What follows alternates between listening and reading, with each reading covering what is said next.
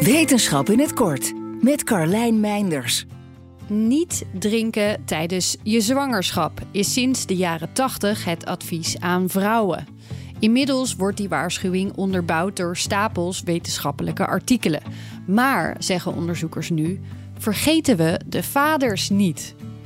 Drinken tijdens de zwangerschap kan zorgen voor feutaal alcoholsyndroom bij het kind. Dat heeft zowel fysieke als mentale nadelige gevolgen. In de VS draagt 1 op de 20 kinderen deze gevolgen met zich mee, wat soms zorgt voor een leven vol uitdagingen. Dat kost de maatschappij ook nog eens geld. In de VS zo'n 10 miljard dollar per jaar. Nou ken ik zelf best wel wat weldenkende vrouwen die tijdens hun zwangerschap toch een beetje hebben gedronken. Want een half glaasje op zijn tijd, dat kan echt geen kwaad. Toch laat onderzoek inmiddels zien dat er geen veilige hoeveelheid is. Ook bij een kleine inname van alcohol kan dat al negatieve gevolgen voor het kind hebben.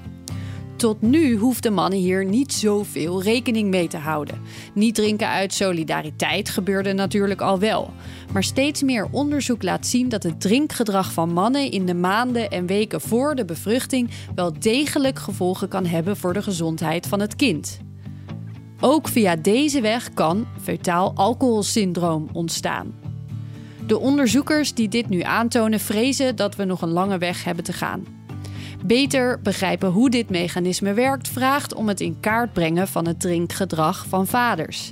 En die vraag wordt nog niet vaak en goed genoeg gesteld of beantwoord. Wil je elke dag een wetenschapsnieuwtje? Abonneer je dan op Wetenschap vandaag. Luister Wetenschap vandaag terug in al je favoriete podcast-apps.